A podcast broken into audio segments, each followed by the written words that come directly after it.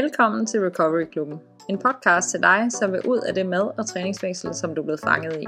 Mit navn er Panjan. Til daglig arbejder jeg som recovery coach, og i denne podcast vil jeg tage emner op, som jeg oplever fylder for de fleste på deres recovery-rejse. Velkommen tilbage til alle jer, der har holdt jul. Glædelig jul. Jeg håber, I er kommet nogenlunde helskindet igennem det. Det er, det er ikke altid en let tid. Mange er også ekstremt travle. Så jeg håber inderligt, at du også har fundet tid til at lade lidt op de her dage, og det er måske endda i den kontekst, du lytter med. Jeg vil ikke snakke om jul i dag. I stedet så vil jeg fokusere på måske det nye år, og tale til dig, der håber og drømmer om, at 2023 er året, hvor du springer ud i din recovery, eller dig, der står med en fod i recovery og en fod i et forstyrret forhold til mad og krop eller træning, og ikke rigtig føler, at du flytter dig. Selvom recovery altid vil være individuel, og at der kan være masser af årsager til, at du har fået det her forstyrret forhold til mad, krop og træning, så er der altså stadig nogle elementer, vil jeg påstå, der er for langt de fleste, vil være nødvendige i det her arbejde ud af det igen. Så i dag vil jeg give mit bud på, hvad jeg har erfaret selv, mine erfaringer med mine klienter, og de mennesker, jeg har set blive helt raske fra deres spiseforstyrrelse eller et meget forstyrret forhold til mad, krop og træning. Det jeg har set, der var vigtigt for at lykkes i sin recovery og for at slippe helt ud af det. Og noget af det, jeg kommer til at dele, det overlapper også med en del litteratur inden for recovery på tværs af forskellige metoder og tilgange. Så det er ikke sådan konkret i forhold til, hvad vælger man at gøre med maden, eller hvad vælger man at gøre med, med træningen, men det er mere den måde, man tænker omkring sin recovery på, og hvordan man agerer i det. Og som altid, så vil jeg også lige understrege, at når jeg deler de her tre råd, så siger jeg ikke, at der ikke er andet, der også kunne være vigtigt, eller at det er den, det eneste, der er vigtigt. Men det er noget af det, jeg ser virker rigtig godt, når folk implementerer det. Og det er egentlig på tværs af typer af forstyrret forhold til mad eller krop og træning. Og nu har jeg lavet en hel masse disclaimers, så vil jeg alligevel håbe på, at du lytter med og opfordrer dig til at tjekke ind med dig selv. Er der noget af det her, du måske har negligeret en lille smule, eller undervurderet vigtigheden i? Eller er der nogle fælder, du er faldet i, som kunne være værd at forsøge at kigge på i din egen recovery, for at give den et skub i den rigtige retning? Råd nummer 1. Gør recovery til dit fuldtidsjob. Jeg har talt om det her før i episode 2 om at blive hjernevasket ind i en spiseforstyrrelse. Jeg synes, det er værd at tale om igen. Du er nødt til at fylde dit sind og dit liv med den her recovery-tankegang, så der simpelthen er mindre plads til alt det andet. Hvis nu du går i behandling eller i et forløb for at ændre dit forhold til mad og krop osv., og, og det gør du måske en gang om ugen, eller hver anden uge, og du så slet ikke gør andet imellem de samtaler, så gælder det for langt de fleste, at enten så går det meget langsomt i deres proces, eller så sker der faktisk ikke særlig meget. Terapi, coaching og alle mulige forløb kan være en vigtig støtte og hjælp.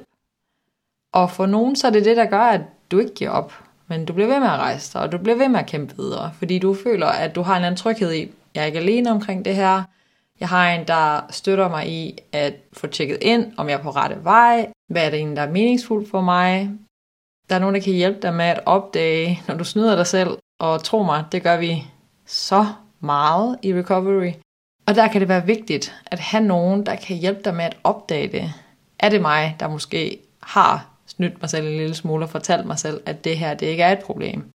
Eller at du lærer din mønstre at kende og der er nogen, der støtter dig i, hvad skal være dit næste skridt, og hvordan vil du forholde dig til det, og alt det der. Der kan være masser, der gør, at det er meningsfuldt at gå i terapi hos en coach, eller hvad det ellers kan være. Jeg vil ikke lave det, jeg laver på fuld tid, hvis jeg ikke troede på det. Men jeg vil også være helt ærlig over for dig. Det er måske en time af dit liv i den uge, eller måske hver anden uge. Hvad med de mange timer og dage imellem? Hvad gør du resten af den tid? Det er alt det, der sker imellem dine samtaler, der virkelig batter. Det er det, du gør hver eneste dag. Og jeg ved godt, at det er udmattende, og at det kræver vildt meget. Men det gør det andet også. Du har bare gjort det andet så længe, at det på et eller andet tidspunkt blev din normal. Men det fylder jo stadig hvert et øjeblik af dit liv. Og det skal recovery også. I virkeligheden så er det jo mere end et fuldtidsjob. Det er fra du åbner dine øjne til du går i seng. Hvor meget tid har du brugt på at tænke på og handle efter en spiseforstyrrelse eller en eller anden form for forstyrret mentalitet omkring mad og krop? Hvor meget tid af dit liv har du brugt i det forstyrrede, hvor du ikke har tænkt på andet? De fleste, jeg spørger, de siger, at 95% eller 98% af mine tanker går på mad, krop og vægt hele tiden. Det skal du simpelthen erstattet med recovery-tanker. Det er det, vi gentagende gør. Det er det, vi fylder vores bevidsthed med, der former os. Og jeg siger ikke, at det er nemt. Og jeg ved godt, det lyder hårdt at sige det på den måde. Men det er også hårdt at blive i det her. Det er bare hårdt genkendeligt at blive i det her fængsel, du er i lige nu. Og jeg tror i virkeligheden, det er at acceptere, at det skal være hårdt, og det skal tage meget af din tid, og det skal tage meget af din energi. Det har et formål. Det har det formål af, at du skal blive fri og komme ud og leve et liv, og ikke være en skal af dig selv. Jeg brugte så meget tid på at vedligeholde min spiseforstyrrelse. Hele mit liv det handlede om det, hele tiden. At planlægge træning, få idéer til nye former for træning, se videoer af andre, der trænede, og så skulle jeg selv træne, og så skulle jeg planlægge min mad, og så skulle jeg have nye idéer til kalorielette eller de her alternative opskrifter. Sidde på nettet og læse om kendte og deres seneste kur, og så sad jeg og kiggede på billeder af slanke mennesker og videoer af slanke mennesker, og så skulle jeg gå rundt i supermarkedet og kigge på alt muligt mad, som jeg alligevel ikke købte. Så skulle jeg ud og gå en masse ture, og så skulle jeg løbe, og så videre, og så videre. Der var bare så meget af min tid, der gik på det. Og hvis jeg ikke gjorde nogle af de ting, og jeg bare var sammen med andre mennesker og lavede andre ting, så var det stadig konstant i mit baghoved. Så det var også det samme, der var nødt til at ske i min recovery. Jeg begyndte at finde profiler, og dengang der var det mest YouTube og blogge om recovery. Og det var bare hver dag, når jeg stod op, mens jeg gjorde mig klar, så lyttede jeg til noget eller så et eller andet. Jeg begyndte at læse faglitteratur for at forstå det, jeg gik igennem. Jeg begyndte at læse bøger om recovery. Jeg lyttede til podcast, der gjorde op med den diætkultur, jeg var fuldstændig søbet ind i. Og jeg fandt aktivt bøger og podcast, der udfordrede mine egne meget forstyrrede overbevisninger omkring sundhed og om at være tyk og om træning og alt det der. Jeg skrev dagbog hver eneste dag for at minde mig selv om, hvorfor jeg ikke ville det her mere. Jeg skrev mantra ned alle steder, på alle mulige post-its hele tiden. Jeg skrev noter konstant på min telefon. Jeg lavede aftaler, jeg vidste ville udfordre mig madmæssigt. Jeg begyndte at tilbringe tid med mennesker, der ikke var lige så forstyrret som mig selv. Jeg begyndte at finde mennesker, som havde andre interesser end mad og træning. Jeg lavede så mange puslespil, mens jeg sad og lyttede til podcast, og jeg prøvede at lære at hækle og strikke og tage mig planter og sy, og jeg ved fandme ikke hvad. Jeg har brugt tid på at læse skønlitteratur og biografier om mennesker, der var inspirerende og som levede et spændende liv. Jeg prøvede at fylde mine tanker og hele mit liv med det. Jeg havde ikke nogen hobbyer andet end træning og mad, da alt det her det startede. Jeg havde ingen interesser. Så jeg var nødt til at være åben for at prøve en hel masse ting, og der var bare så meget af det, der slet ikke var nogen succes. Men jeg prøvede, og jeg blev ved med at prøve med at finde noget nyt. Hvis du er helt ærlig over for dig selv lige nu, hvor meget tid dedikerer du på alt det, der skal gå stik modsat det forstyrret? Alt det, der skal fodre dit raske jeg. Hvor meget tid bruger du på det i løbet af din dag? Og hvor meget tid bruger du på at blive i det, du plejer at gøre? I det forstyrret? Er recovery blevet et fuldtidsjob for dig? Er det det, du lever under lige nu? Hvad kunne du måske gøre anderledes? Det her det er ikke en bebrejdelse eller en opsang. Jeg havde virkelig brug for at blive mindet om det her, fordi jeg gjorde det samme i årvis. Så troede jeg, at jeg var i recovery. Men jeg indså bare, at jeg gik hele tiden og talte om det, men jeg ændrede ikke rigtig noget.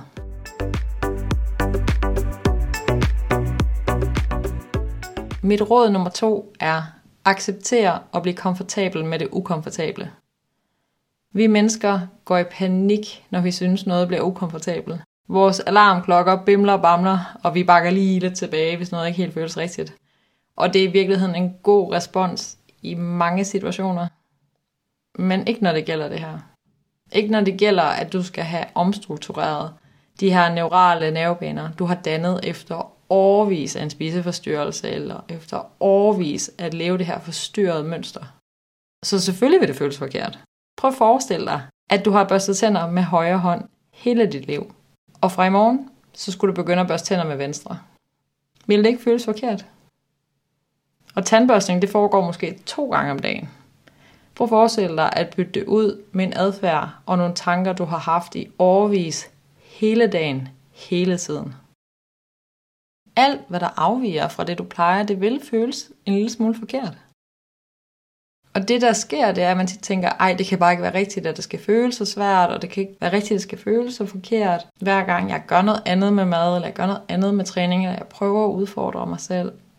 Men det skal det bare nogle gange. Jeg har ikke mødt mange, der ikke føler, at det føles forkert i starten. De fleste, de får mega dårlig samvittighed, når de begynder at spise mere, eller begynder at spise mere frit.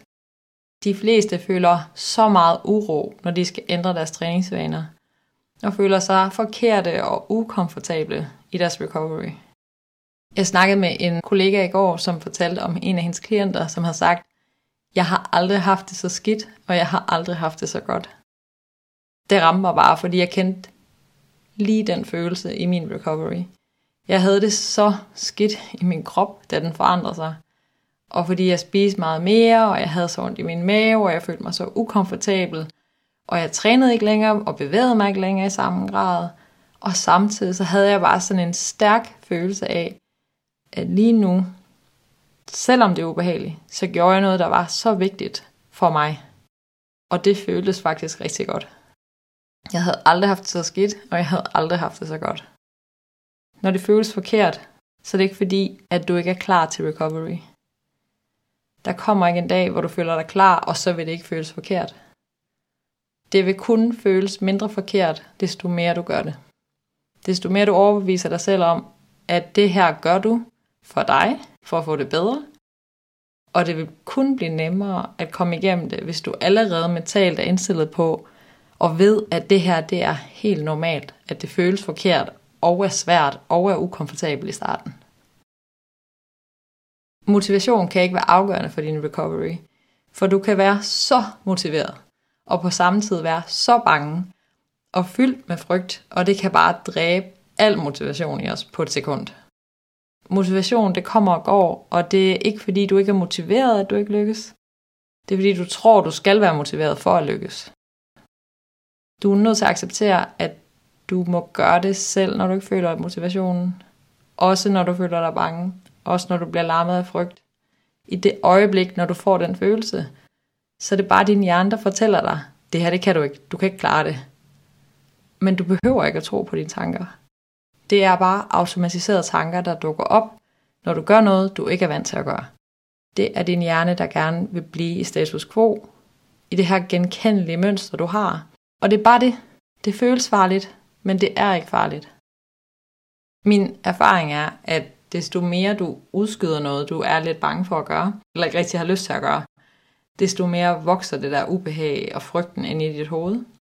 Hver gang jeg skal hoppe i koldt vand, og det er ikke fordi jeg gør det så tit, men når jeg skal gøre det, så ved jeg bare, jeg er nødt til at gøre det, inden jeg når at overveje det. Hvis jeg først begynder at give plads til tanken om, åh, oh, det er koldt, ej, det bliver svært, ej, det bliver sådan et stort chok for min krop, så begynder jeg at tøve. Så er det, at man begynder at stikke lige en tog i vandet, og så får man virkelig bekræftet, shit, det er virkelig koldt det her vand, og det bliver virkelig svært at komme i. Og så kan det være, at man ikke kommer i. Men hvis jeg ikke når at tænke, inden jeg gør det, så er det stadig mega koldt, når jeg kommer i. Men jeg kommer hurtigere i, og jeg når også meget hurtigt frem til, at det var slet ikke så slemt. Fordi jeg nåede ikke at gøre det til en eller anden kæmpe ting ind i mit hoved. Jeg nåede ikke at mærke al den frygt, inden jeg gjorde det. Og det er ikke meget anderledes i recovery. Du skal springe ud i vandet. Du skal ikke stikke en tog i og overveje, hvor svært det bliver. Du er nødt til at gøre det, inden du når at tænke alle de tanker.